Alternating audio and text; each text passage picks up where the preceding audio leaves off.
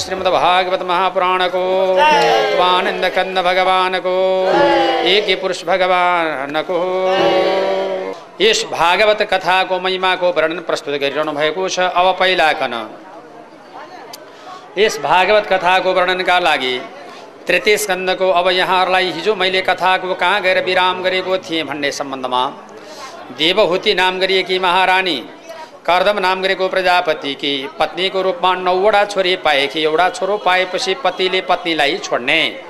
यो अठोट भए उपरान्त आज भगवान् परब्रह्म परमात्मा नारायण देवहुति नाम गरेकी महारानीका घरबाट प्रकट हुनका लागि तत्पर हुनुभयो कुन महिनामा भन्दाखेरिमा उत्तम उत्तम ग्रह नक्षत्र युग बाह्र करण बेला समय मुहुर्त। यस प्रकारले सारा सम्पूर्ण मिलेका समयमा जब आज कोट जब भगवान् परमात्मा जगतका नारायण विश्वम्बर मूर्ति साक्षात्कार भगवान् प्रभु परमात्मा प्रादुर्भाव हुन आँट्नुभयो कुन महिनामा भने कुन बेलामा भनेदेखि उच्च उच्च ग्रह नक्षत्र युग बाह्र करण बेला समय मुहुर्त भएको बेलामा देवहुतिका घरबाट भगवान् श्री हरि जगतका नारायणको अवतार भयो जसको नाम हो कपिल जय बोलो कपिल देव अवतार भगवानको। आकाशबाट फुलमाला गोछल्ला आबिरको वृष्टि भगवान् कपिलको जय जय। अनि कपिल परमात्माले आफ्नो माता र पिताजीपट्टि फर्केर आज्ञा गरिबक्छु लौ त मेरो बुबा लौ त मेरो आमा अब मैले हजुरहरूलाई एउटा कुरा अनुरोध गर्नुपर्ने हुन्छ। किनकि यहाँहरूले प्रश्न राख्नु भएको छ एउटा छोरा पाएपछि म जङ्गलमा जान्छु भन्ने बुबाको वचन। पतिले छोरो जब जन्मेको दिन जब छोडेर आफूलाई जान्छ भन्ने कुरा थाहा पाए कि मेरी आमा तपाईँ पनि गडबड हुनु हुँदैन अब यहाँबाट निक्लेर जानुहोस् पिताजी। भन्दा जब महारानी जब यस किसिमबाट देवती रुन लाग्नुभयो भगवान् कपिलदेव परमात्मा आमालाई बारम्बार गर्न सम्झाइ बुझाइ गर्न लाग्नुभयो मेरो आमा रुन हुँदैन शोक गर्नु हुँदैन शोकलाई यस किसिमबाट बारम्बार चिन्तातुर व्याकुल गराउनु हुँदैन माताश्री धैर्य हुनु पर्यो भनेर बिन्ती गर्नुभयो पिताजी आज्ञा गर्नुहुन्छ लौ त मेरो भगवान् हजुर जस्तो महानुभाव मैले छोरो पाएँ तर अब छोरो पाएको भोलिपल्ट मैले जङ्गलमा जानुपर्ने आफ्नो अठोट निश्चय भयो उपरान्त मैले जङ्गलमा जानु पर्यो। म जङ्गलमा जान्छु मेरो बाबा। जङ्गलपट्टिको मैले प्रस्थान गरेँ भनिकन आमाले आज्ञा गरिबक्सेपछि अनि बाबाले आज्ञा गरिबक्सेपछि भगवान् प्रभु परमात्मापट्टि फर्केर आमा पिताजीलाई बिदा दिए आफ्ना पतिलाई बिदा दिइसकेपछि छोरापट्टि फर्केर अनुरोध गर्न लाग्नुभयो राजन। अब यो नौवटा छोरी कन कलाइदिने हो। भनिकन सोधिएका प्रश्नमा ब्रह्माजीका मानसिक पुत्र जम्मा दस भाइ छन्। त्यसमा मरिची आदि गरेका दस भाइमा नारदले विवाह गर्दैनन्। अरू नौ भाइलाई नौवटा कन्या विवाह गरेर दिनुपर्ने भयो। भनिकन आज्ञा गरिबक्छु त्यस अवस्थामा अब कुन चाहिँलाई कुन कुन दिउँ त? भनिकन सोधिएका प्रश्नका बारेमा अब एक एक कन्याकन उहाँले विभाजन गरेर दिन आँटी बक्सेको छ भगवान् कपिलदेव परमात्माले आफ्ना बहिनीहरू माने दिदीहरू यस यस किसिमबाट एक एक प्रकारबाट निश्चय र निधो गराउनु भयो जस्तै प्रकारबाट। अब जुन प्रभावले यहाँलाई मैले निर्णय गरेको छु सरकार जसमध्येमा अब पहिलाकन जेठी छोरी मरिची कलालाई दिनुभयो अनसुया अत्रेलाई दिनुभयो पुलस्तालाई हाबिर भयो कर्तुलाई क्रिया भृगुलाई ख्याति वशिष्ठलाई अरुन्धति अथर्वणलाई शान्ति यस्ता किसिमका नौवटा कन्या विभाजन गरेर दिइसकेपछि अब तिनीबाट पृथक पृथक वंशवाली चलेको छ र स्वयं भगवान् परब्रह्म परमात्मा नारायणले आफ्नै माता देवहुतीलाई अब तपाईँ के सुन्न र के जान्न चाहनुहुन्छ? सोही मुताबिकको काम कर्तव्य माथिको बोधको पहिचान म गराइदिन्छु भनिकन आफ्ना जब आमालाई भगवान् कपिलदेव परमात्मा ज्ञान वर्ध कथाको प्रकरण बताउन आँटी बक्स्यो भन्ने सम्मको कथा हे सद्यबाट। वैष्णदेव श्री कृष्ण गोविन्द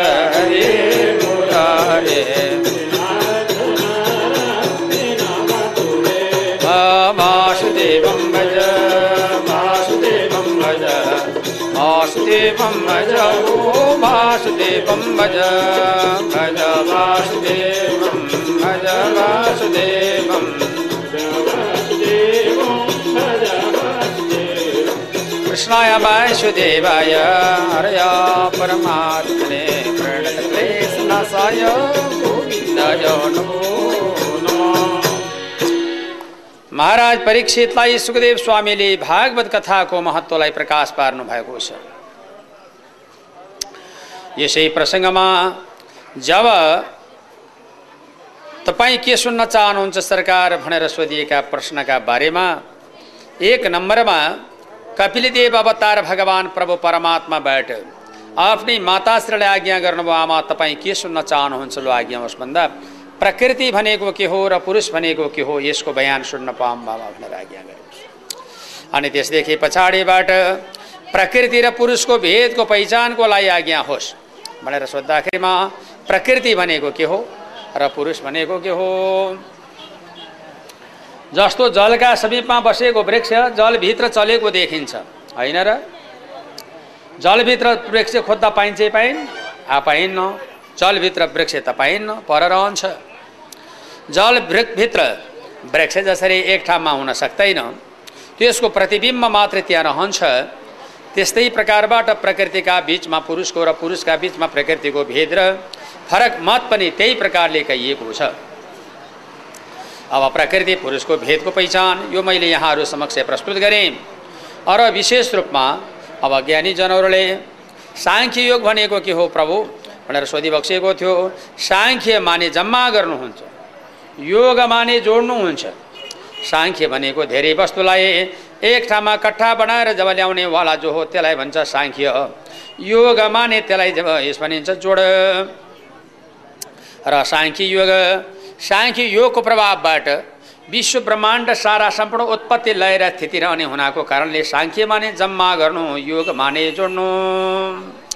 साङ्ख्य भनेको जम्मा गर्नुहुन्छ योग भनेको जोड्नुहुन्छ। यसै प्रकारले गर्दाखेरिमा अब धेरै मानिसहरूको अहिले भनाइ के भयो भनेदेखि कर्म नगर। कर्म गर्न पर्दैन। ज्ञान प्राप्ति भएपछि भयो भन्यो। ज्ञान प्राप्ति भएपछि त हुन्थ्यो हुन त तर शब्दको ज्ञानले त भएन नि। विचारको विवेकको र जब आत्मीय सम्मानको ज्ञान चाहियो तब त यहाँ त के भयो भनेदेखि हाम्रो संस्थामा आएर नाम लेख। तिमी ज्ञानी हुन्छौ भन्न थाले अहिले मान्छे। संस्थामा गएर नाम लेख्दाखेरिमा ज्ञानी त हुँदैन नि। अब आफ्नो संस्थामा लागेका जति मान्छे सबै जब पवित्र र सबै राम्रा अर्काका संस्थामा लागेका व्यक्तिहरू जति जब असल र व्यक्तित्व भए तापनि त्यो चाहिँ जब खराब। यो त जब धर्मको विखण्डन ल्याउने प्रकारको एक मूल सिद्धान्त हुनसक्छ यो। यसबाट होसियार यस प्रकारले काम कारवाही गर्नु सबै प्रकारको काम कर्तव्य माथिको भूतको पहिचानलाई कहिले खेरा नफाल्नु कर्तव्यमा पारण रहनु भगवत भक्तिमा चित्त लगाउनु भगवान्को तन मन धन वचनको प्रभावबाट जब चिन्तन मनन कीर्तन गर्दै गर्दै जानु र अनि साङ्ख्य योग भनेको के हो? साङ्ख्य माने जम्मा गर्नु योग माने जोड्नु। सबै तत्त्वलाई एक ठाउँमा लगाएर कट्ठा बनाइसकेपछि के हो? प्लस भयो साङ्ख्य भयो पच्चिस तत्त्वले पूर्ण भएको आकाश तेज जल वायु र पृथ्वी। यो पञ्च महाभूतलाई एक ठाउँमा लगाएर कट्ठा बनाएपछि पाँच महाभूत भए पाँच महाभूतको पच्चिस तत्त्व हुन्छ त्यसलाई पच्चिस तत्त्वलाई एक कट्ठा बनाएपछि। र अनि त्यसपछिबाट साङ्ख्य योगको लक्षणको प्रारम्भ हुन्छ साङ्ख्य माने जम्मा गर्नुहुन्छ। तत्त्वज्ञान प्राप्ति भएपछि त सबैले जब कर्म छोडिहाल्छ नि। जबसम्म तत्त्वज्ञान हुँदैन तबसम्म कर्म त गर्नै पर्यो। जस्तो प्रकारले हामी खेती गर्छौँ खेती गर्दाखेरिमा के के गर्छौँ हामी? खेतीका लागिमा सुन्नुहोस् त हामी पहिला ब्याडको निर्माण गर्छौँ। त्यसपछिबाट त्यसलाई जलमल गरेर त्यसलाई रोप्छौँ त्यसलाई त्यसलाई हुर्काउँछौँ। त्यसलाई सेवा गर्छौँ। त्यसलाई जलमल गरेर शुश्रूषण गर्छौँ। त्यसबाटबाट त्यो फक्रन्छ अनि त्यसपछिबाट त्यसमा फुल छ फल छ पाक्छ घोगा बुझेर हामी ल्याउँछौँ बाला बुझेर हामी ल्याउँछौँ। अनि त त्यो नल र ढोड त कसैले गोड्दैन नि? त्यसै कारणबाट जसरी घोगा बुझेर ल्याइसकेपछि बाला बुझेर ल्याइसकेपछि फल बुझेर ल्याइसकेपछि बोटको जति आवश्यक रहँदैन त्यस्तै प्रकारबाट कर्म भनेको पनि त्यही हो। फल प्राप्ति र ज्ञान प्राप्ति भइसकेपछि सारा कर्म छुटाउँछु। भन्न पर्दैन स्वत छुट्छ। मकैको घोगा भाँचेर ल्याइसकेपछि ढोड कसैले गोड्दैन। यो बुझ्नु राम्ररी त्यसै कारण राजा परीक्षितलाई सुखदेव स्वामीले आज्ञा गर्नुभयो साङ्खे माने जम्मा गर्नु योग माने जोड्नु साङ्खे माने जम्मा गर्नु योग माने जोड्नु तत्त्व ज्ञान पाएपछि सबै काम छोड्नु साङ्खे माने जम्मा गर्नु योग माने जोड्नु तत्त्व ज्ञान पाएपछि सबै काम छोड्नु।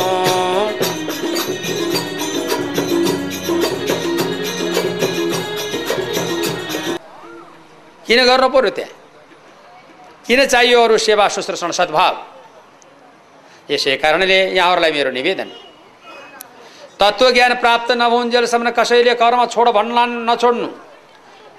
तीर्थ व्रत दान धर्म यज्ञ जप पूजापाठ निधि ध्यास पितृ तर्पण पूजापाठ नियम यी सारा सम्पूर्ण गर्दै गर्दै जानु कहिल्यै नछोड्नु। अब संसारमा धर्मका धेरै बाटाहरू छन्। धेरै बाटो छ धर्मको। अब त्यस्ता कारणबाट त्यो बाटो मध्येमा यहाँहरूलाई म बहुपन्था भन्छ क्या धेरै बाटो छ। एक लाख पच्चिस हजारवटा मार्गहरू छ तर त्यसमध्येमा एउटै पनि अन्वेषण नगरेपछि हामी पछाडि हटेका छौँ साइडमा। पछाडि पछाडि हटेका छौँ क्या? तर त्यो हुन सक्दैन। अगाडि बढ्नु पऱ्यो पछाडि हटेर कहिले सफल हुन सक्दैन? अगाडि बढ्नु पऱ्यो यसमा यहाँहरूलाई म बारम्बार निवेदन गरौँ धर्ममा लागेका जनले विरोध गर्न हुँदैन जुनसुकैमा लाओस्। कसैको विरोध गर्न हुँदैन। धर्मको गन्तव्य स्थल एउटै हुन्छ। र हाम्रो पशुपतिनाथमा हामी जब आउँछौँ धेरै टाढाबाट हामी मेचीबाट आए पनि पशुपतिनाथ महाकालीबाट आए पनि पशुपतिनाथ हिमालबाट आए पनि पशुपतिनाथ तराईबाट आए पनि पशुपतिनाथ। तर आउँदा को को कसरी आउँछ? कोही हिँडेर आउँछन् कोही मोटरमा आउँछन् कोही जब मोटरसाइकलमा आउलान् कोही ट्याक्सीमा आउलान् कोही प्लेनमा आउलान् तर आउने का हो पशुपतिनाथ नै हो बस। धर्मको गन्तव्यस्थल एउटै हुन्छ बाटो धेरै हुन्छ। त्यसै कारणबाट सबैले चाहेको शान्ति भएको कारणले शान्तिका लागि किन विरोध गर्ने? शान्तिका लागि किन अपराधमा जाने? शान्तिका लागि किन गडबड गर्ने? जुनसुकै जसले बाटो हिँड्नुहोस् आफ्नो बाटो नछोड्नु। आफूलाई जहाँ विश्वास र निश्चय छ त्यही धर्मलाई मान्नु।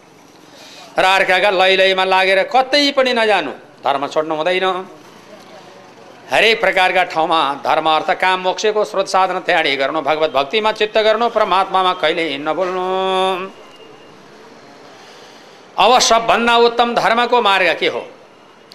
भनेर सोधिएका खण्डमा राजा परीक्षितलाई सुदेव स्वामीले बडो गम्भीर बाणीमा भगवत भक्तिको चित्तवृत्तिको प्रकरण यथार्थ प्रकरणमा आज्ञा गर्दै हुनुहुन्छ भन्ने सम्मको कथा यस अध्यायबाट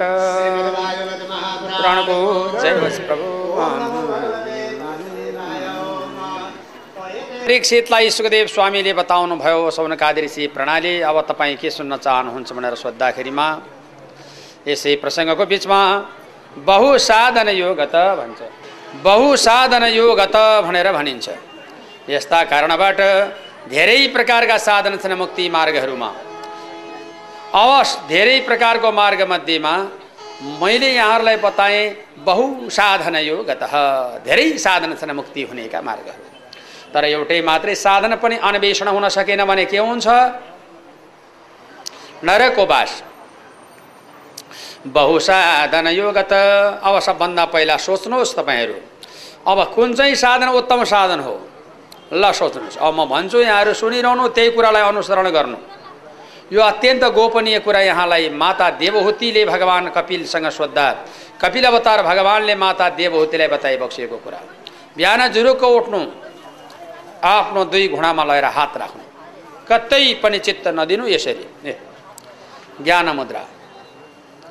परब्रह्ममा चित्त लगाउनु भगवान्का हृदय रूपी कमलमा ईश्वरलाई बासहस्र दल पद पङ्कज ईश्वरलाई कमलको कट्टामा लगेर जब आफू माथि शिरमा स्थापना गर्नु र जब त्यसमा ध्यान गर्नु भगवान्लाई आफ्नो योनिद्वारमा दुईवटा माने चारवटा अक्षरातीत ब्रह्मलाई सम्झनु जसको नाम हो ओ स स स ज्योतिष चक्रले युक्त भएको ठाउँ। नाभिमा दसवटा अक्षरातीत ब्रह्मले पूर्ण भएको माने छवटा अक्षरातीत ब्रह्मले पूर्ण भएको थाम जसको नाम हो ब भ म ए र ल। तिनको प्रार्थना गर्नु। अनि छातीमा पुगिसकेपछि दसवटा अक्षरातीत ब्रह्मको परिकल्पना गर्नु। त्यो छातीमा दसवटा अक्षरातीत ब्रह्मको परिकल्पना गर्दा त्यहाँ कसलाई त सम्झनु भन्ने बारेमा ड ढ अण त थ द ध न प फ। अनि आफ्नो घाँटीमा पुग्दाखेरिमा बाह्रवटा अक्षरातीत ब्रह्मको परिकल्पना गर्नु। बाह्रवटा अक्षरातीत ब्रह्मलाई क ख ग ग ङ च छ ज ज य ट ठ कबाट ठसम्मको अक्षर हटाउने हुनाले घाँटीको नाम कण्ठ भनेको। बुझ्यो? अब त अलिअलि भयो होला नि। कि भएन? कण्ठ घाँटी। अनि दुई आँखाको बिचमा पुगिसकेपछि आचवर्ण आचवर्ण भनेको अ आ इ उ रि रिल रिल रि ए ऐ ओ औ अम अ। अनि निधारमा पुग्दाखेरिमा दुईवटा अक्षर जसको नाम हो हंस। हकार गर्दा बाहिर आउने सकार गर्दा भित्र जाने। हकार सकार सकार हकार यही हकारेण बैरियाति सकारेण विषय पुनः हंसो हंसेति मन्त्रण जप जीवो जपति तत्व त अब एकविंशत अनि त्यसपछिबाट त्यहाँबाट प्राणवायु लैसकेपछि निधारमा जम्मा यस किसिमबाट तालुमा। अब त्यसदेखि पछाडिबाट आज्ञा चक्रको चिन्तनमा जब सहस्र दल पद पङ्कज परमात्मालाई प्रार्थना गरेर यो प्राणवायुलाई खिच्नु र त्यहाँ लगेर थन्क्याउनु हकार गर्दा नागबाट बाहिर सकार गर्दा भित्र हकार सकार हकार सकार हकार सकार। एक्काइस हजार छ सय पटकसम्म सास फेर्नु। छ सय गणेशलाई दिनु छ हजार ब्रह्माजी छ हजार विष्णु छ हजार शिवजी एक हजार चिद आत्मा एक हजार परात्मा एक हजार गुरुलाई दिएर जब सङ्ख्या निवेदन गर्नु। यस प्रकारबाट शरात यो मन्त्रको प्रभावबाट उत्तम होइन्छ राजन बहुसाधन योग त उत्तम प्रकारको मार्ग यही नै हो। यो मार्ग कहिले नछोड्नु। उत्तम मार्ग है त यो त उत्तम मार्गको वर्णन भयो। अनि अर्को एउटा प्रकारको नीति छ। कालका प्रभावले धन्दा गर्नु। काल डर लाग्दो छ। काल बलवान छ। कालको प्रभावबाट धन्दा गर्नु कसैलाई छोड्दैन। कालका प्रभावबाट सारा बसमा छन्। अनुशासित सबै प्राणी छ। एउटा व्यक्ति बाहेक।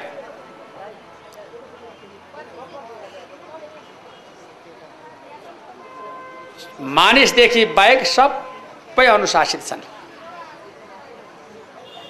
सबै धर्ममा रहेका छन्।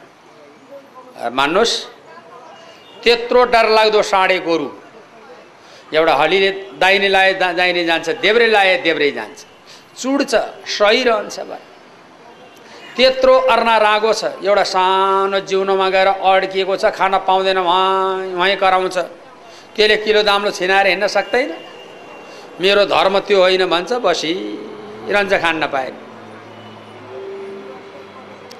त्यत्रो जग्गी घोडा छ यस्ता कारणबाट जङ्गी घोडा त्यो पनि जब आफ्नो कामबाट कहिले विचलित हुन सक्दैन त्यत्रो प्रकारको हात्ती छ।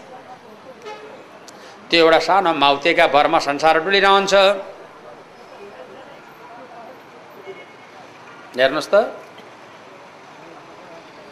त्यत्रो अरिङ्गाल बारुलो र बिच्छुले धर्म धर्म छोड्दैनन्। त्यत्रो सर्पसिंह शारदुला बाघ भालुले धर्म छोड्दैनन्। मानिसै आँखा कान छालेपछि भ्यायो यसै कारणबाट संसारमा सबैभन्दा ठुलो कालका प्रभावबाट धन्दा गर्नु काल बलवान भनेर आज्ञा गर्नुभयो हरे। कालको प्रभावबाट निर्णय गरिएको छ अरे बाहिर देख्ने आँखालाई। छेको जालले बाहिर देख्ने आँखालाई। छेको जालले जान्न जान्न भन्दा पनि लान्छ कालले बाहिर देख्ने आँखालाई।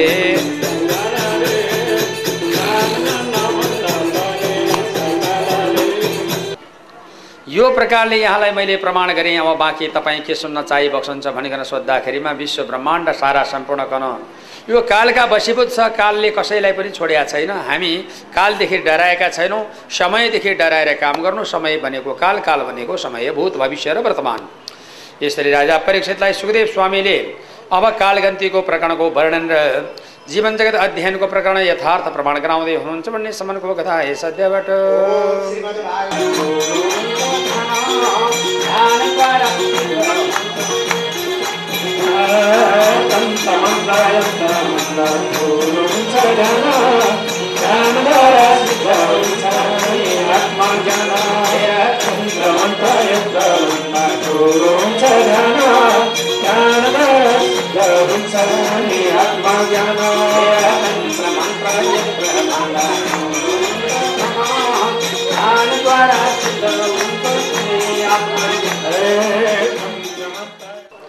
यो हाम्रो अन्तिम घडीमा बहुत कडा हुन्छ शरीरमा।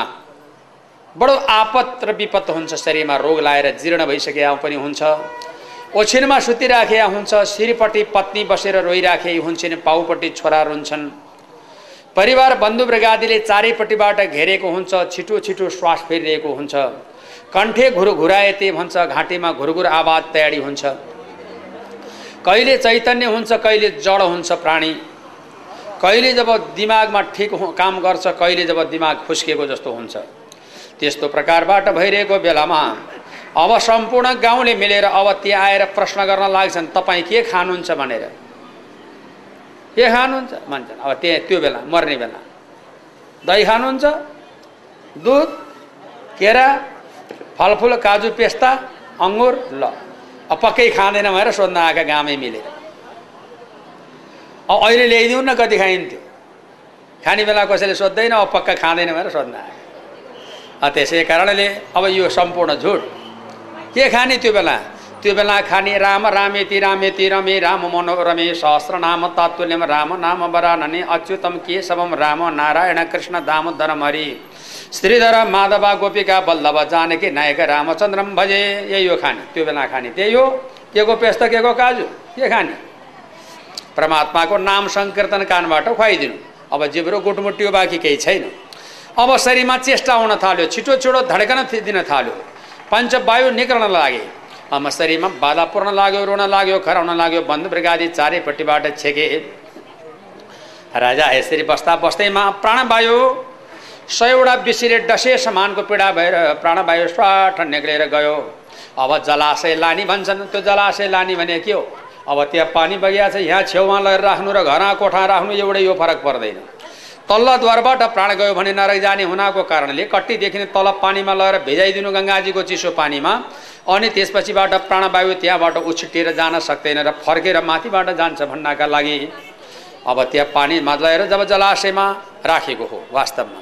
अब त्यो जलाशयको छेउमा लगेर राख्नु र घर राख्नु त के फरक भयो? कट्टीदेखि तल पानीमा लगेर भिजाइदिनु। र अनि त्यसदेखि पछाडि मर्ने बेला भयो प्राण अन्त भयो घर गयो पनि। अनि यमराजका दुत्रले च्याप समायो जब त्यसपछिबाट जब पत्नी पुर सारा सम्पूर्णबाट बिछोड भयो घरबाट प्राणी जब बग जब यस कारणबाट गयो। गइसकेपछि भगवान् नारायण वासुदेवका चरण रूपी कमलमा ध्यान मनन कीर्तन। बिल्कुलै केही नगरिकन गयो नरकमा बाँसपट्टि गयो सारा सम्पूर्ण जनले जब बाँसका खपिटामा पाता कसे त्यसपछिबाट लासघाटमा लय जलाइदिए गाडा गाडिदिएमा खरानी। गाडिदिएमा जब माटो त्यसै छोडिदिएमा स्याल र कुत्ताको बिष्टा। यदि भएन अब त्यसलाई जलाइदियो भने खरानी किरेमा भेट भाषमा सङ्गीत आज भन्यो भोलि भन्यो जिन्दगी हो बित्यो नि। हरि भजन कहिले नबोल आज भन्यो भोलि भन्यो। गरी बक्सिएको छ। सौनकादि प्रणाली अब तपाईँ के सुन्न चाहनुहुन्छ? विश्व ब्रह्माण्ड सारा सम्पूर्ण युद्ध। मर्दाखेरिको आपत त मैले हजुरलाई बताइहालेँ। अब जन्मदा पनि त्यत्तिकै आपत छ। यहाँ त बिर्सिएर पो बिग्रिया त सबै कुरा। आमाको रक्तस्रावतमा पुरुषको जब पिताजीको शुक्रकीट नामको ब्रिय माताका घरमा गएर बसिसकेपछि कडल तोका रात्रिण। पहिलो दिन कडल भन्ने आवाज हुन्छ आमालाई। पाँच दिनमा पानीको फोका जस्तो भन्छ जीव। दस दिनमा चनाको दाना जस्तो गोल बन्छ। एक महिनामा शिरको आकारलाई तयारी बनाइन्छ। दुई महिनामा लिङ्ग आकार तयारी हुन्छ। तिन महिनामा धातु आकार तयारी हुन्छ। चार महिनामा अङ्गहरू तयारी हुन्छन् पाँच महिनामा द्वार सारा तयारी भएपछि अनि छ महिनाबाट आमाको दाहिनैपट्टि कोखमा गएर त्यो बालक बस्छ साल नालले बेरिएर। अब बालकलाई छ महिनाबाट उपरान्त खानुपर्छ। के खान्छ त्यसले सास पसेपछि त खानु पऱ्यो नि। आमाको नाभिबाट तयारी भएको त्यान्द्राको र बच्चाको जब नाइ जब आमाको आहारा जाने आन्द्राको र बच्चाको नाभिबाट तयारी भएको त्यान्द्राको त्यसको रिजोइन्ट अर्थात् नसाको जोड्ने हुन्छ। तप्प तप्प तप्प तप्प तप्प नाभिबाट बालकले खान्छ मुखबाट खाने होइन त्यस्तो तन्तु मिलाएको हुन्छ भगवान्ले। अनि त्यो बा बालकन भगवत भक्तिमा चित्तवृत्ति परमात्माको प्रार्थना सुरु गर्छ अब। अगाडिका जन्मका ज्ञान हुन्छ उसलाई। ईश्वर म त जब भुलेछु घरवासमा आएछु आज मैले ठुलो कष्ट पाएँ यातना पाएँ बाधा पाएँ। मलाई रक्षा गरिबक्सोस् मेरो भगवान्। हजुरलाई मेरो कोटि प्रणाम छ ईश्वर। हजुरलाई सहस्र कोटि प्रणाम छ मेरो प्रभु। भनेर बिन्ती गर्न लाग्यो। अनि त्यही प्रकारले प्रार्थना गर्दा गर्दा गर्दा गर्दा गर्दा गर्दा गर्दा सबै प्रकारको कामना सबै प्रकारको भावना सबै प्रकारको विचार यस्ता कारणबाट निर्णय भइसकेपछि साक्षात्कार भगवान् परब्रह्म परमात्मामा। त्यसले ध्यान मनन कीर्तन गर्यो। अब मेरो प्रतिज्ञा म हजुरले बोलाएका बेलामा आउँछु। हजुरले जे भने त्यही मान्छु। तर म अपराध गर्दिनँ। मेरो उपरमा क्षमा राखिबक्सोस् प्रभु भनेर त्यो बालकले ध्यान गर्छ। अनि नौ महिनासम्म प्रयत्न ध्यान गरिसकेपछि दस महिना लाग्छ। सुति र प्रसुति नामका दुईवटा वायु पेटमा प्रवेश हुन्छ। सुती भन्ने वायुले तलबाट तान्ने प्रसुतिले माथिबाट घचेट्ने गर्दा बालक फर्कन्छ र अनि जुम्ले हात जोडेर बाहिर निक्लियो। चिया गरेर रोयो। अब भित्रको कुरा बिर्सियो। बाहिरको कुरा अब म कहाँ? बालकले त्यो भन्यो। त्यसरी अब बालकले म कहाँ भनिसकेपछि अनि भगवान् नारायण वासुदेव प्रभुको प्रार्थना मनन कीर्तन सारा सबै छोड्यो अब। अब बालक ताबो क्रीडा सक्दो तरुणै ताबो तरुणै रक्तो चिन्ता मग्नम। अब चिन्ताले पूर्ण भयो भगवत भक्तिमा चित्तवृत्ति भयो भगवान्को प्रार्थना गर्नुको सट्टामा जब नाच्दा गाउँदा खेल्दा खाँदा जीवन गयो। अनि तिनै परिवारका बन्धनमा परेर एकैपटक हरिको नाम सङ्कीर्तन नगरिकन त्यो प्राणी मर्यो।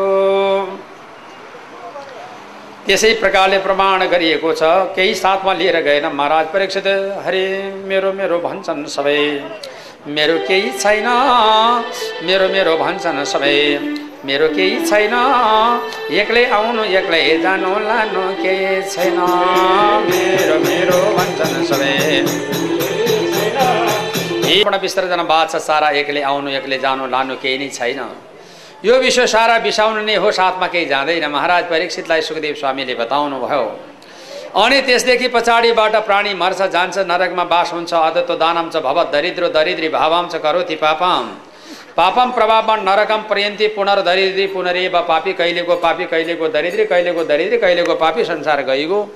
उद्धार हुने उद्धार हुने उपाय नै केही छैन महाराज यसै कारणबाट एक जन्म चिप्लिएपछि समाप्ति होला त्यसका लागि सुरक्षा रहनु होला सबले। विश्वास र निश्चय राखेर भगवत भक्तिमा जब चित्त लगाउनु होला राजा परीक्षितलाई सुखदेव स्वामीले यो प्रकारको निर्णय गराउनुभयो मर्ने बेलामा जुन आपत्ति हुन्छ जन्मदा त्यही आपत्ति हुन्छ। र जब यो मरेको होइन सरेको साथमा केही नजाने जस्तो प्रकारबाट यहाँ सब मेरो मेरो भन्छन् सबले छोडेर हेर्ने गए धनपुत्र सुत धारा। दुई दिनको मेला धनपुत्र सुत धारा। दुई दिनको मेला आखिरीमा पर्नु पर्ला महाराजको फेला। धन पुत्र धारा दुई दिनको मेला आखिरीमा पर्नु पर्ला महाराजको फेला।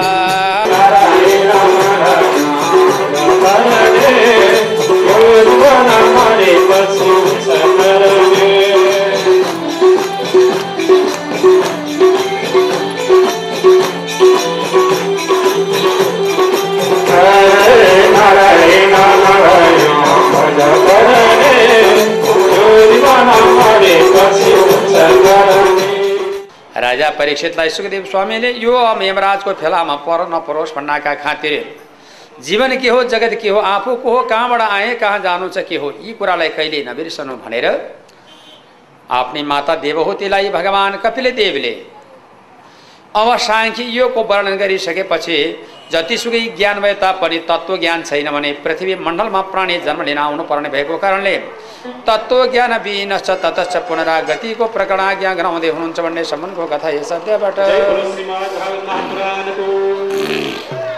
भनेको के हो? जो हो तत्त्व पालामा लुकेको भनेर भनेको छ है त? दहीमा दुधमा दही लुकिया चाहिँ दहीमा घिउ लुकिया चाहिँ उखुमा खुदो लुकिया चाहिँ खुदोमा सखर लुकिया चाहिँ सखरमा चिनी लुकिया चाहिँ तपाईँको शरीरभित्र ईश्वर परमात्मा ईश्वर ब्रह्माण्डको नायक लुकेको छ। त्यसलाई विचार गर्नुहोस्। त्यो आत्मा अम्बर छ त्यो कहिल्यै नाशमान छैन।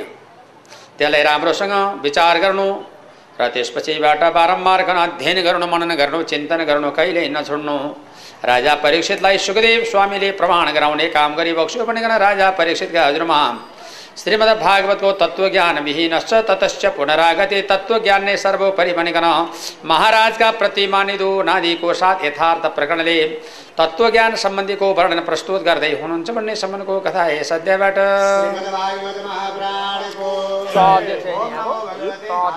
श्रीमद् भागवत महाप्राणान्तर्गत कति कथाको वर्णन विस्तार गरिन्छ भने सङ्केतमान महाराज परीक्षितका हजुरमा सुखदेव स्वामीले यही कथालाई सम्बोधन गर्दै गर्दै गर्दै जानुभयो अब बाँकी तपाईँ के सुने इच्छा छ कि त सरकार भनेर सोधिएका खण्डमा लौ त मेरो भगवान्।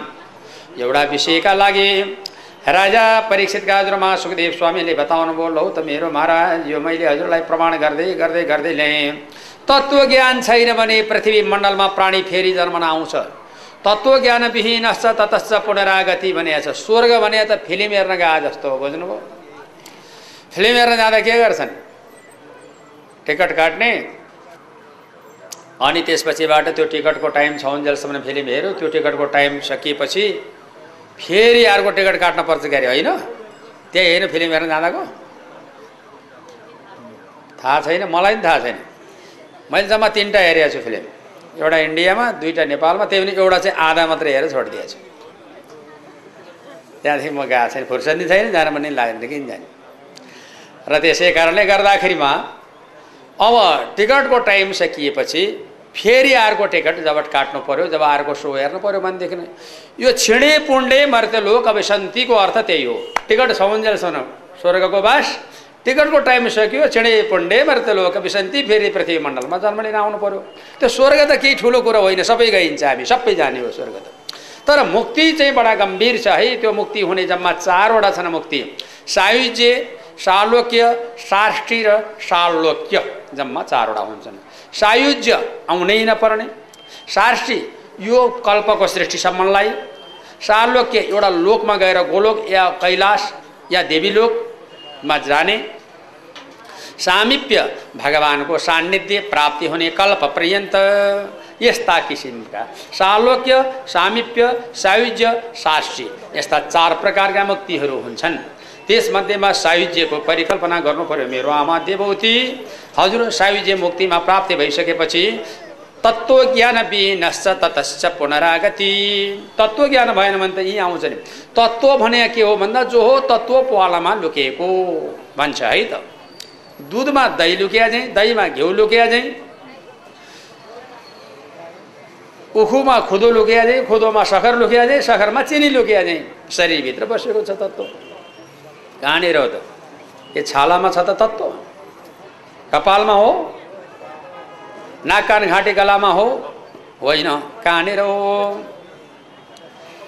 अनुसन्धानात्मक पक्षबाट पहिचान गर्ने रहेछ यो किताब भनेको मदानी हो यो यज्ञ भनेको ठेका हो यहाँहरू श्रोता मण्डली भनेको दही हो यसको चालक भनेको म हो। दहीको जब गल्ती बिल्कुलै छैन। के अरे यो ठेकाको गल्ती छैन मदानीको गल्ती छैन।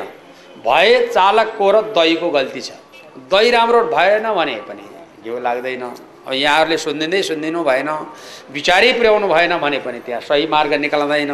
अब मैले जब पार्नै जाने रहन्छु भने गडेर गुडु बनाएर ठेकोबाट फटाएर हिँड्न नि सक्छु त्यस कारणले त्यहाँबाट नि नपर्न सक्छ। यस कारणले हामी दुई थरी ठिक हुनुपर्ने हुन्छ। एउटा यहाँहरू एउटा म। मैले यसलाई भरसक्य समसामयिक रूपबाट यथार्थताको व्याख्या गर्न सक्ने मसँग क्षमता चाहियो। यहाँहरूले सुन्न सक्ने पात्र बन्नु पऱ्यो बस त्यसो भयो भनेदेखि यसबाट सात दिनका दिनमा सार तत्त्व केही निक्लन्छ। भनाइको मतलब के भनेदेखि हामीभित्र बसेको श्वास नै आत्माको अनुभूति गर्ने एउटा जब बिन्दु हो। श्वासले के भन्छ भन्दाखेरि सोहम सोहम सोहम। सोहमको अर्थ त र म एक ठाउँमा छौँ भने हो। सो भनेको तिमी त र तपाईँ अहम भनेको म आफू र मैमा भन्ने हुन्छ। सो अहम तिमी र म एक ठाउँमा छौँ। एक्काइस हजार छ सय पटक चौबिस घन्टामा उसले आफ्नो गाना गाइरहेको छ तर म एक ठाउँमा छौँ भनेर। तर हामी जब त्यो कुरा पत्ता लगाउन नसकेर यहाँ ईश्वर खोज्नका लागि बाहिर जान्छौँ। कहाँ जाने? काशी गए पनि जलको स्नान। विश्वेश्वरको हेरे पनि पत्थरको दर्शन बद्री गए पनि जलको स्नान अलकानन्दाको बद्रीनाथको पत्थरको दर्शन पशुपतिनाथ हेरे पनि पत्थरको दर्शन अर्थात् त्यसपछिबाट बागमतीको जलको स्नान बस। विश्व ब्रह्माण्ड जहाँ गए पनि जलको स्नान पत्थरको दर्शनदेखि बाहेक त केही पनि देखिएन। बाबु सन्चै छौ केला आऊ त बाबु तिम्रो बाबु आमासँग मैले भेट गराइदिन्छु कुनै देउताले भनेको छैन खर्च धेरै भएछ यति लैजाऊ भने छैन भनेपछि अब त्यहाँ के त भन्दाखेरिमा आफूभित्र ईश्वर आफू माने निहित गराउने बाहिर हुन सक्दैन। बाहिर कुनै प्रकारबाट हुन सक्दैन बाहिर छ तर पत्ता लाउन सकिँदैन। जानै पर्दैन तीर्थ भने होइन जानु तर तीर्थ गएर भगवान् भेटिन्छ भन्ने कुरा होइन चित्त शान्ति र शरीर पवित्र बनाएर आउने। यति मात्रै कुरा हो। भगवान्को भेटघाट गर्ने हो भने आफैमा बाहिर हुन सक्दैन भनेर आफ्नै माता देवहुतीलाई भगवान् कपिलले आज्ञा गरिबक्छु हस्त आमा अब म बिदा हुन्छु। हजुर केही सुन्ने इच्छा छ कि त मेरो आमा? भन्दाखेरि मेरो राजा बाबुको जय होस् कल्याण होस् सुस्वास्थ्य रहोस्। अब म बिदा हुन्छु भनेर आमाले भन्दा माता देवहुतीलाई यही शरीर नै उडाएर भगवान्ले परमधाम प्रदान गराइदिनु भयो माता परमगति सवारे पिताजीसँग जब कर्दमसँग भेटघाट भगवान् कपिलले प्र गङ्गा सागर होइ बक्सन्छ अध्यावधि जसले गङ्गा सागरमा गएर कपिलले भगवान्को दर्शन गर्छ त्यसको जीवन मुक्ति हुन्छ। सधैँ सुति बक्सिएको छ भगवान् चौबिस घन्टा हुन्छ मकर सङ्क्रान्तिमा। त्यसै भएर सारा तीर्थ बारम्बार गङ्गा सागर एक बार। एक पटक मात्रै प्रभु ब्युजनी अरू दिन सुत्ने भएको कारणले यहाँहरूलाई मेरो निवेदन र गङ्गा सागरमा जाने कपिल देवको दर्शन गर्ने जब जीवन जगतलाई अध्ययन गर्ने परमात्मामा गएर ल्यान हुने। यही प्रकारको कुरा हो महाराज। अब यसमा तपाईँहरू सबभन्दा मूल सिद्धान्त केमा विचार गर्ने भने आफू पात्र बन्ने ज्ञानवर्धक आएका कथारूपी प्रवचनलाई श्रवण गर्ने चित्तलाई शान्ति गर्ने देखिने र सुनिने वस्तुलाई बाहिर हटाउने जीवन र जगतलाई तुच्छ मान्ने आत्मा अम्बर हो भन्ने सम्झने यही प्रकारबाट तपाईँको उत्तम गतिको मार्ग तयारी हुन्छ भनेर माता देवहुतीलाई भगवान्ले दिनुभएको कपिल देवको उपदेश। यो तृतीय स्कन्दको तेत्तिस अध्यायसम्मको व्याख्याले मैले यहाँहरूलाई समाप्ति गरेँ।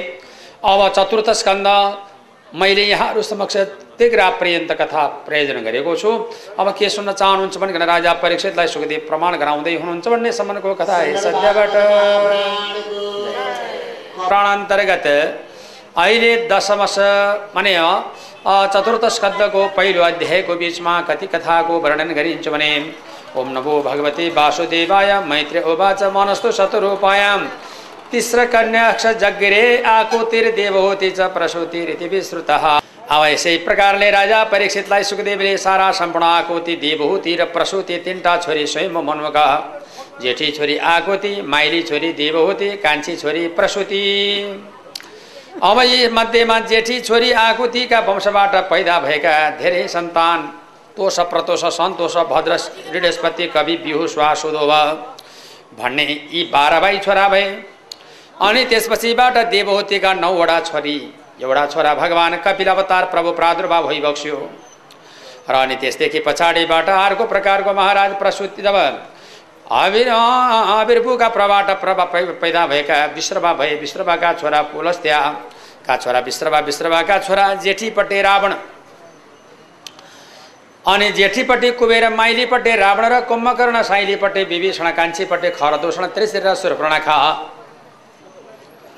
यसरी पैदा हुन गयो। अरण्य दक्ष नाम गरेको अनस अत्रिकी पत्नी अनसुया। अनसुयाका घरबाट ब्रह्माको अंशबाट चन्द्रमा विष्णुको अंशबाट दत्तात्रेय स्वामी शिवजीको अंशबाट दुर्वासा ऋषि पैदा हुनुभयो। र अनि प्रसुति नामग्रीकी महारानी जलाई भनिन्छ महाराज प्रसुतिको घरबाट स्वयं परमात्मा शिवजीले जब यस कारणबाट सतीदेवी नामकी छोरी उनका विवाह गर्नुभयो जसलाई ससुराको र आफ्नो झगडाको कारणले आखिरमा सतीदेवीको दिहा बसान नै भयो अब यो कसरी भएको यसको वृत्तान्त सारा सुन्नका लागि तत्पर राजा परिषदलाई सुखदेव प्रमाण गराउँदै हुनुहुन्छ भन्ने सम्मको कथा यस अध्यायबाट। हरे शरणम प्रभु। सुखदेव स्वामीले श्रीमद् भागवतको महत्त्वको बारेमा सारा प्रकाश पार्दै पार्दै पार्दै लिएर जानुभयो। अब बाँकी अंशको लागि तपाईँ के सुन्न चाहिबक्सन्छ भनेर सोद्धा लौ त मेरो भगवान्। हजुरका मुखारबिन्दबाट मैले सारा कुराको महिमाहरू श्रवण गर्दै गर्दै गर्दै आएँ। अब एउटा प्रकारको प्रकरण सुन्नुभयो राजन।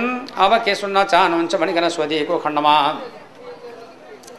भागवत भक्ति र प्रभुको महिमाको वर्णन दक्ष प्रजापतिको र साम्ब सदाशिवजीको झगडा पर्नुको कारण के थियो? अब सुन्नुहोस्। प्रयागराज थियो। प्रयागराज भनेको गङ्गा यमुना र सरस्वतीको सङ्गमलाई प्रयागराज है त?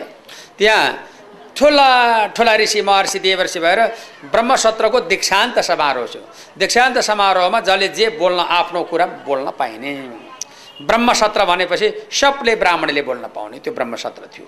त्यसमा सारा टन भगवान् साम सदा शिवजीलाई जगजगावट सिंहासनमा लिएर राखिएको थियो। परमात्मा शिवजी सवारी हुनुभएको थियो भगवान् साम सदा शिवजी। सबजना जब यस किसिमबाट जब जम्मा भए तर साम्ब सदा शिवजीको ससुरा दक्ष प्रजापति पछि आए। पछि आउँदाखेरिमा शिवजीले पनि मर्यादा गर्नुपर्ने प्रभु हुनुहुन्छ देवादिदेव महादेवका पनि ससुरा। त्यसै कारणबाट दक्षलाई ढोगिदिउँ त भनेर सबैजनाले जराजुरुक्क उठे। आफूभन्दा ठुलो व्यक्ति आएपछि आसनबाट उठ्नु पर्ने चटपटाउनु पर्ने ओहो स्वागत छ। करबामते इत्यादि गर्नुपर्ने यो हाम्रो अनुशासनभित्रको कुरा हो। गजधममा बसिरहनुहुन्न आफूभन्दा ठुलो व्यक्ति आएको बेलामा नगराइकन ओहो पाल्नुभयो भने जरेजुरुको उठ्ने त्यो अनुशासनको मर्यादा हो। अब त्यस कारणले गर्दाखेरिमा कोही उठेन। सब उठे टोटल उठे तर शिवजी चाहिँ उठ्नु भएन। किनभने यो ससुरो पर्ने हो तापनि। यसलाई मैले मान्छे सामान्य के अरे ढोगिदिने। लाज मर्नु। छोरी पो मन परेर बिहा गरिदिए त यो त के गतिल छ त नि यो? टेर्नु भएन अनि फेरि यो छोटालाई चाहिँ ढौ चाहिन्छ बडालाई चाहिँ केही पनि चाहिँदैन। छोटालाई बढी ढौ चाहिन्छ सम्मान चाहिन्छ जस जसले मान जसले मान पाएको उसलाई मानै चाहिँदैन। जसलाई छैन मान उसले मान खोजिरहन्छ। अनि त्यसपछिबाट ए म जतिको आउँदा मेरो जब यसै गेसालामा मेरो अपमान गर्नेवाला त कहाँको पाजी कहाँको पामर कहाँको सिल्ले कहाँको बौला कहाँको बिरालाको आँखा जस्तो भएको बाँदरको स्वभाव भएको बनकर इत्यादि भन्न थाल्यो ज्वाइँलाई त। भगवान् शिवजी जुरुक्क उठेर आज्ञा गर्नुभयो पशु किन बरबार गर्छस् है? अँ भनी बक्सिएको थियो। मेरो भक्तलाई किन पशु भन्नु भनेर च्याप दारी समातेर के भन्छन् भृगु ऋषि? आजबाट तिम्रा भक्त पनि तत्त्व ज्ञानबाट बाहिरीमुख हुन् शिवजी। किन मेरा भक्तलाई पशु भन्यो भन्ना साथ। ए भेरेगो तँलाई मैले के भनेको छु? त मलाई जब यस कारणबाट अपमानको भाषा बोलेको हुनाले तिम्रा पनि आजबाट ब्राह्मणी गतिलाई नहुन बाहुनको वचन अशुद्ध होस् भन्ने शिवजीको श्राप पर्यो। ब्राह्मणी गतिलाई हुँदैनन् रे। ल कता कता गएको है उसो भए हामी गतिले रहन्छौँ त हामी जान्छौँ भनिदियो भने बाहुनीदेखि बाहेक कोही छैन रित्तै हुन्छन् फेरि यहाँ। यहाँ नआउनेलाई गतिले हुँदैनन् भने पो त यहाँ आउन्छ त सक्कली सक्कली आछन् भन्नु पर्ला हो कि? त नि खै? नत्र उठेर गइदियो भने त बर्बाद पऱ्यो यस कारणले गर्दाखेरिमा अब यो मैले यहाँहरूलाई प्रमाण गरेँ। अनि बाँकी अंशको लागि तपाईँ के सुन्न चाहनुहुन्छ भन्दाखेरि भगले जब आँखा सन्काएर विरोध गर्ने पुसाले दाँत देखाएर हाँस्ने शिवजीको विरोधमा तेरा दाँत पनि फुकाल्छु तेरो आँखा नि फुकाल्छु भन्ने प्रतिज्ञा गरिबक्छु भगवान् शिवजी आफ्ना कैलाश नायक आफ्ना दरबार सवारी दक्षी प्रजापतिले अब तामसिक नामको यज्ञ। तामसिक यज्ञ। शिवजी नभएको शिवजीको मानहानि शिवजीलाई नक्सान पर्ने शिवजीको पूजाको स्थान नराख्ने यज्ञ प्रारम्भ भयो। अब हेर्नुहोस् त। शिवजीको यज्ञमा शिवजी भइबक्सेन भने के हुन्छ? यस्ता कारणबाट मानहानि साम सदा शिवजीको यस प्रकारबाट प्रकरणमा जस्तो प्रकारले मान्नुहोस्। शिवजी स्थापना नभएको ठाउँ कुन? यहाँ जब जलारी त्रिखुट्टी छै छैन। या यस्तै प्रकारले स्थापना गरेन भने शिवजी अटाउनुहुन्न बेलपत्र चढाएको नचढाएको ठाउँमा शिवजीको प्रसन्नता हुँदैन। अनि जुन ठाउँमा नरिवल छैन त्यो जब तिन आँखा हुन्छ नि नरिवलमा त। यसै कारणबाट त्यहाँ शिवजीको अवतार हो नि नरिवल। त्यहाँ नभएको ठाउँमा शिवजी नहटाउने भएको कारणले हेर्नुभयो तर कोही देखिएन। तर यहाँ र स्वस्थानीमा अलिकति मत फरक छ है।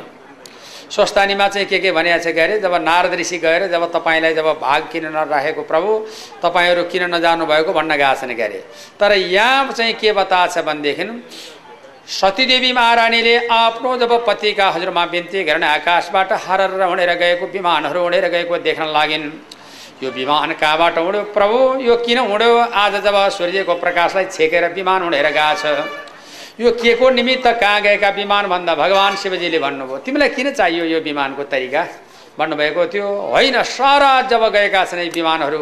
किन गयो कहाँ गयो भनेर सतीले सोध्नुभएको थियो। शिवजी भन्नुहुन्छ आज मेरो मानहानि गर्ने यज्ञ तिम्रा बाबुले गरिरहेछ हरिद्वारको कनखलमा ती गएका सारा देवताहरू उडेर गएका ती त्यहाँ जब मेरो मानहानि भएको यज्ञ छ। मेरा बाबाले भन्दा हो मलाई किन नबोलाउनु भयो होला? भन्दा किन बोलाउँथ्यो? तिम्रो बाबुको र मेरो त पऱ्यो नि अस्ति चटारो लीला पर्यो कृति घाम सङ्ग्राम पर्यो। मैले ढोदिनँ भएर ठाडै आयो त्यसलाई मैले के के भने मलाई नै भन्यो। यस किसिमबाट आज्ञा गरिबक्छु तथा नामको गाली गलोज। ओहो भगवान् मेरो प्रभुको अपमान गरिएको म सहन सक्दिनँ म गएर खोप र विवचनका बाणले हानेर आउँछु भन्नुभएको थियो। जान हुँदैन मेरो रानी नजाऊ नजाऊ नजाऊ शिवजीले भन्नुभयो। रा जान हुँदैन प्यारी। सबैभन्दा ठुलो नक्सानी मानहानि हो। ठुलोभन्दा हानि मानहानि नै हो। नजाऊ भन्नुभएको थियो। प्रभु खान जाने होइन लाउन जाने होइन दक्षिणा लिन जाने होइन। कोप र विवचनका बाणले हानेर तुरन्त फर्कन्छु मेरो दयाको सागर। बिदा दिई भक्सनु पऱ्यो ए नजाऊ भन्दै हुनुहुन्थ्यो। जान्छु कि जान्छु। यी छोरी मान्छे माइत जाने बेलामा श्रीमानले अलिक कडा गऱ्यो भने जाँदैनन्। ल जा त। त्यहाँ गा देखाउँ त चल त। भन्ने हो भने जाँदैनन्। अब के भन्ने त नि म आफै विचार गरेर भनेपछि हस्त है पर्सि आउँछु भन्यो बाटोलाई। जस कारण त्यही ल जा त। यहाँ चल्या देखाउँ त। भन्ने हो भने चाहिँ जाँदैनन्। अनि खुकुलो खुकुलो भनिदिएपछि हिँडिहाल्छन् भन्दै। र त्यहाँबाट गइन्। अनि सतीदेवी यस प्रभावबाट सरास्त्र गइसकेपछि सतीदेवीले पहिला एक मण्डपमा हरिद्वारको कनखलमा हेरिन्। ब्रह्माको आसन विष्णुको आसन इन्द्र एम वरुण कुबेरको आसन सारा घनाघन देवताहरू बसिसकेको। अब यस समारोहमा मेरो पतिदेवको किन सम्मान गरिएन भनिकन बडा लज्जित हुनुभयो। र अहिले सरास्त्र गएर ढोग्नुभयो शरणमा पर्नुभयो तुदिबिन्ती गर्नुभयो यज्ञलाई अनि त्यसपछिबाट पितालाई ढोग्नुभयो हो बुबा। हजुरले यज्ञ गर्नुभएको मेरो स्वामीलाई किन नबोलाएको भन्दा नानी तिमी आयौ जाति भयो मेरो छोरी बौलानी आछ कि भन्छ बुढोलाई। तँलाई चोर जस्तो। ल परेन अचम्म। ओहो मेरो भगवान्लाई किन तपाईँले यदवा तदवा गर्नुभयो बुबा? यो त राम्रो होइन। यज्ञमा देवादि देव महादेव देवताका पनि देवता महादेवी हुनुहुन्छ। उहाँको अपमान भयो भने यज्ञ सफल होला भन्दा। हेर त्यो पिचासवासी। तिम्रो पति होइन त्यो। त्यसलाई म ज्वाइँ भन्न सक्दिनँ छोरी। आजबाट नजाऊ इत्यादि। त्यसलाई जब छोडिदेऊ मैसाउ यहीँ बस यहीँ जेथा खाऊ यहीँ बस इत्यादि भन्न थाल्यो। अनि सहन सक्छ। पतिलाई विरोध गरे केही सहने। अनि त्यसपछिबाट होइन बुबा भन्दै हुनुहुन्थ्यो आखिरमा पतिको र जब पिताको विवाद भएको थाहा पाएपछि अब यसबाट नाता तोडिदिन्छु भनिकन दक्षिणाग्नौ जुहा बह भने छ यहाँ त। अग्निमा हाम फाले छैन यहाँ। अग्निलाई बोलाउनु भयो। अग्नि आए। केलाई बोलाउनु भयो आमा? भनेर सोधेका थिए। मलाई प्राणवायु खिचिदिए भनेर झ्वाप्प अग्निमा जब आफ्नो प्राणवायु सम्पा गरिदिनु भएको थियो अग्नि देवताले डढाउन सकेनन् शिवजीको डरले स्वाट प्राणसम्म खिचेर राख्यो। मागे टक्राउँछु नमागेमा अब ग्रहण गर्छु भनेर अग्निले प्राणवायु खिच्यो। सतीदेवीको प्राण अन्त भयो लास पल्टियो। हाकार हुकार चितकार पर्यो जनजीवन अस्तव्यस्त भयो हरेक प्रकारका याद धानीहरू आए। अडी साम्ब सदाशिवजीलाई तब मात्रै फेरि गएर जब अब जुन प्रकारले ददिची नामको ऋषि र अनि नारदको सम्वादले भगवान्लाई जानकारी गराउनुपर्छ यो कुरा भनेर शिवजी सतीदेवीको प्राणान्त बल्ल भयो भनेर उनीहरू गए। अनि साम्ब सदाशिवजीले महाकाली तयारी गर्नुभएको यहाँ प्रमाण छैन एक जटा समातेर पृथ्वी मण्डलमा पड्काइदिनु भएको थियो त्यहीँबाट महावीर वीरभद्रजीको उत्पादन भयो अनि वीरभद्र महापुरुष पैदा भइसकेपछि जनजीवन सारा अस्तव्यस्त हाकार हुकार चितकार सबैको प्रतिमा अनि दक्ष प्रजापतिको यज्ञमा जाऊ त्यस यज्ञ विध्वंस गर भनेर सारा यज्ञ भत्काउनु यो त अस्ति भर्खर यहाँहरूले सुन्नुभएको संस्थानी सम्बन्धी व्रतकथा टेनी हो सबैको शिर काट्नु अग्निकुण्डमा फाल्नु दक्षको शिर काट्नु अग्निकुण्डमा फाल्नु आकार हुकार चितकार भुरीको गोद्दाहरू उखाल्नु पुसाको दाँत भाँच्नु भगको आँखा फुकाल्नु अनि देवताहरू सारा पात्र टेपेर फाल्नु ऋषिहरू टोपी काट्नु गलत्याउनु फाल्नु अग्निकुण्डमा फाल्नु आकार हुकार चितकार भाग भाग तोफानडी इत्यादि त भयो नै। तर अब यहाँहरूले सोच्नु र जान्नुपर्ने कुरा सती देवीको देहावसान हुनुका कारण के हो यो कुरा बुझ्नुहोस्। जम्मा चारवटा कारणले सतीदेवीको देहावसान भएको छ। एउटा बाबासँग नाता तोड्ने नम्बर एक। यसलाई बाबु भनेर कसरी भन्ने यो विरोधीलाई नाता तोडिदिन्छु एउटा नाता तोड्ने एउटा काम हो। दोस्रो काम सात करोड पचास लाख पीठ देवीको उत्पादन गर्नुपर्ने पीठ उत्पादन गर्नका लागि मन्दिरहरू जस्तै हाम्रो नेपालमा तिनवटा महान प्रसिद्ध पचास पीठ मध्येमा तिन पीठ उत्तम पीठहरू छन्। कुन कुन एउटा पीठ गुह्येश्वरी गुह्यपतन। अर्को पीठ दन्तकाली धरानमा दन्तकाली। अनि त्यसपछिबाट अर्को जब पीठ नेपालगञ्जमा जहाँ जिब्रोपतन। यस्ता कारणबाट उत्तम उत्तम प्रकारका पीठहरू उत्पादन भए। सात करोड पचास लाख पीठ उत्पादन गर्नका लागि र अनि देवीले आफ्नो प्राणवायु छोडिदिनु भएको र तेस्रो नम्बरमा शिवजीको शिवलिङ्ग तयारी गर्नका लागि जब भगवान् शिवजीले घुम्नु पर्नका निमित्त पत्नीलाई काखमा राखेर काँधमा बोकेर हिँड्नुभएको। अनि त्यसदेखि पछाडिबाट आखिरमा जाँदा जाँदा जाँदा जाँदा जाँदा कहीँ गएर सम्म हुन सकेन र अन्तमा भगवान् परब्रह्म परमात्मा परमेश्वर जगतका नारायणले यसरी खोज्दै खोज्दै खोज्दै खोज्दै खोज्दै खोज्दै जाँदा अहिले कहाँ पुग्नुभयो भन्ने बारेमा महाराज सती देवी मूल ज्यान त्याग्नु कारण एउटा छ। दण्डकारण्यमा पाल्नु भएको रहेछ। यस कारणबाट दण्डकारण्यमा पाल्नुभएको थियो। यसरी दण्डकारण्यमा गइरहेको बेलामा दण्डकारण्यमा शरास्त्र गइरहेको बेलामा सुरु सुरु दण्डकारण्यमा पुग्नुभयो। त दण्डकारण्यमा भगवान् साम्ब सदा शिवजी पनि सबै देवता पनि त्यहाँ पुगे। दण्डकारण्य भन्ने जग्गामा पुगिसकेपछि त ए उताबाट त राम र लक्ष्मण रुँदै रुँदै आइरहेर छन् ए किन रुवाका भगवान् यिनीहरू अँ को यिनीहरू? सतीदेवीले सोधिन्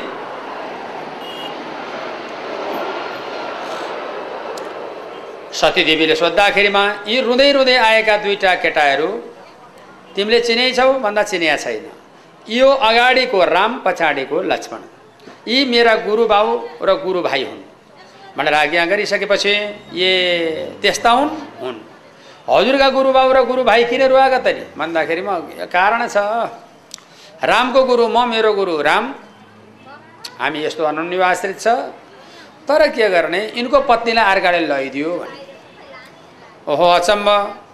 पत्नीलाई अर्काले लैदियो भनेर रुनी देउता कस्ता हुन् त नि त्यस्ता। यतिको अन्त पाइँदो रहन्छ क्या। किन डाँगो छोड्दै हिँडेका भन्दा होइन यसमा कारण छ भन्नुभएको। त्यो सतीदेवीलाई चित्त बुझेन छ र रामको अगाडि गएर सतीदेवी शिवजीले थाहा नपाउने तरिकाले सीताजी भएर उभिनु भएको थियो। हा प्राण प्यारी मेरी सीता भनेर परमात्माले भन्नुभएको थियो। यस कारणबाट भन्दाखेरिमा म यहीँ छु। मेरो भगवान् किन रुनुभएको प्रभु भनेर नगितमा जानु हो। ओहो किन रुनुभएको भन्दै गए कि जब यस किसिमबाट सतीदेवीलाई भगवान् प्रभुले सीता स्वरूप देखेर ए आमा हजुर त जगत जगजरणी हुनुहुन्छ। मेरो आमा आमाले पनि छोरो झुक्याउनुहुन्छ भनेर शरणमा परिदिएको रामले। रामले त्यति गरिसकेपछि त सतीदेवीलाई त लाज भयो। लो हो यिन त जान्दा रहेछन् चिन्दा रहेछन् साँच्चीका रहेछन् भनेर फर्किएर सतीदेवीको स्वरूप लिएर गए थिइन् शिवजीले भन्नुभयो आफ्नै पत्नीलाई नमस्कार गुरुआमा भन्नुभयो सतीदेवीलाई ए प्रभु मलाई किन नमस्कार गरिबक्सेको भन्दा अहिले भर्खर त रामकी सीता बन्न गए कि हो कि होइन मलाई बुढो देखेर केटो खोज्दै। तँलाई लौराले सुम्ल्याउँ क्या तँलाई? जोरी खोजिदिएर चाहिँ लो कहाँ कि त? आजबाट तेरो र मेरो यहाँ उठ्नु बस्नु सुत्नु खानु रहनु बस्नु पिउनु केही हुँदैन। चल। रामको पत्नी बन्न त जाने उसले नबुझेर फर्केर आयो कि नफर्किया भएदेखि उसले बुझिदियो भए त्यही बस्ने तँलाई फर्काउटी तैँले के चाहिँ खोजाइसेछ बुढा त ल तहरू महरू झिके भयो भगवान् जानिन भने के को जान्ने के गर्न जान्ने? आजबाट त मेरो यहाँ पस्न पर्दैन मेरो निकाल पाइ ल भयो अनि कुन न्यु पाएर यो हत्या गरौँ भनेर विचार गर्दै हुनुहुन्थ्यो आज न्यु पाएर परमात्माका नाम जपेर सतीदेवीले अग्निमा प्राण वायु सम्पा गरेको मूल कारण यो। त्यसो भएर यसले के बुझाउँछ थाहा छ? आफ्नो पतिको अर्डर बिना कसैले पनि कुनै नारीहरू सिँगारिएर कुनै पुरुषहरूलाई आकर्षण गर्नका लागि जानु पनि अपराधी पतिव्रता धर्म नष्ट हुँदो रहेछ भन्ने कुरा यसले प्रमाणित गर्छ। है त? ल विचारले त हिँड्नु। विवेकले त हिँड्नु तर यस कारणबाट दूषित वातावरणले नहिँड्नु यो प्रकारको नीति हो। सती देवीको देहावसान भयो हाकार हुकार चितकार भयो जनजीवनमा अस्तव्यस्त भयो समाजमा ठुलो विसङ्गति र विकृतिको उत्पादन भयो। दक्ष प्रजापतिको शिर काटियो भगवान् शिवजीको प्रतिमा। सबले बिन्ती गरे भगवान् यो जब रक्षा गरिदिई बक्सनु पर्यो। सतीदेवीकी पत्नी मा माता भन्नुहुन्छ मेरो ज्वाइँ साहेब मेरो जब पति बचाइ पाम भनिन्। तेरो पतिले मेरो पत्नी मार्यो मेरो पत् तेरो पति मैले मारेँ के बिराएँ अँ भन्नुभयो सासूलाई। सासूलाई हजुर न तपाईँ अब त के को सासू हो र नि त्यो? टुटो नाता।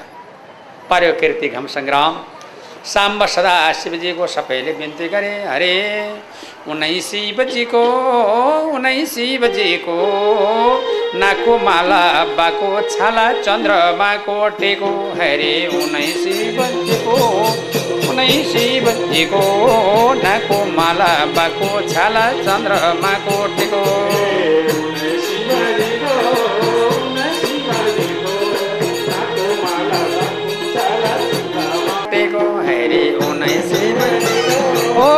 शिवजीको कमरुमा डम्मरु चन्द्रमा कोटेको शिवजीको महिमाको वर्णन मैले प्रस्तुत गरेँ बाँकी तपाईँ के सुन्न चाहिबक्सन्छ भनेर साम्ब सदा शिवजीलाई बिरानी महारानी उनकी पत्नी तब सासूले बिन्ती भावयुक्त प्रार्थना गरेको खण्डमा शिवजी भन्नुहुन्छ मेरो कुनै कारणको दोष होइन तिम्रो पतिको दोष हो भनेपछि हे आशु तोष चाँडै रिसाउने चाँडै खुसी हुने हे देवादि देव हे महादेव प्रसन्न हुनु पर्यो विष्णुले प्रार्थना गर्नुभयो शिवजी विष्णु ब्रह्माले प्रार्थना गर्नुभयो इन्द्रले यमले वरुणले कुबेरले सनक सनन्दन सनातन रेबु हंस अरुणे।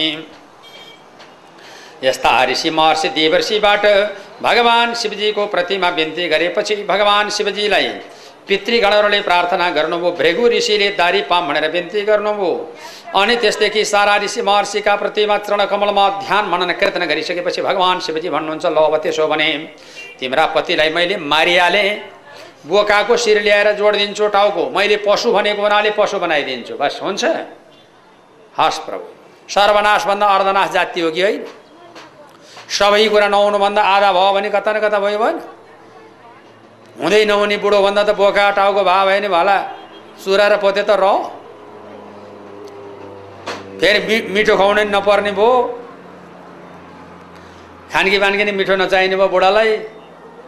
पछाडिपट्टि मुन्टो फर्किया छ पछाडिपट्टि लगेर टाट्नु हालिदिएर तितेपाती राखिदिए भइगयो। बन्दोबस्त भयो अब त। कुनै प्रकारको परिकार नै नचाहिने भयो बुढालाई। र यसै कारणले बोकाको शिर ल्याएर दक्षको शिर जोडिदिनु भएको छ पशु बनाएर। अनि यता भृगुले दारी पाम भनेर बिन्ती गरे बोका दारी लिएर टाँसिदिनु भयो पण्डितलाई। लौजा भनेर। भगले आँखा पाम भने बोका आँखा पुसाले दाँत पाम भने बाख्रा दाँत अहिले हालिया दाँत जस्तो चपाउन र ओ चाट्न र पिउनु हुने चपाउन केही जाति नहुने। सब बन्दोबस्त भयो। अङ्गभङ्ग प्रत्यङ्ग भाँचिएकालाई अश्विनी कुमारले आपूर्ति सबै काम पूर्ण भयो। दक्ष प्रजापतिले भिर्गुलाई यज्ञ समापन गर्ने अधिकार सुम्पा। भगवान् शिवजीको जसले यस चरित्रको वर्णन विस्तार सुन्दछ। भगवान् कैलाश नायका आफ्नी पात पत्नी पार्वती वियोकान्तर रुनुभयो संसार डुल्नुभयो प्रभु। आखिरमा सात करोड पचास लाख पिठ उत्पादन गरेर हिमाञ्चल राजाकी छोरी। मेनकाको घरबाट पैदा गराएर पार्वती नामले पुनः विवाह गरी बक्स्यो प्रमुख भगवान्ले। यो त यहाँहरू समक्ष मैले प्रस्तुत गरेँ। अब यो साम सदाशिवजीको चरित्र जसले शत्रु दमन हुने लोकलाई कल्याण हुने मनोरथ पूर्ण हुने महान भगवान् शङ्कर भोले बाबाको महिमाको वर्णन प्रस्तुत गरेँ। अब तपाईँ के सुन्न चाहनुहुन्छ भन्दा प्रभुदेव हजुरले यो आज्ञा भयो। अब अर्को कथा सुन्न पाऊँ भनेर बिन्ती गर्नुभयो जुन कथाको वर्णन। अब उत्तनपाद राजाको समचरित्रको वर्णन उपाख्यान बताउँदै हुनुहुन्छ भन्ने सम्मको कथा हे सद्यबाट।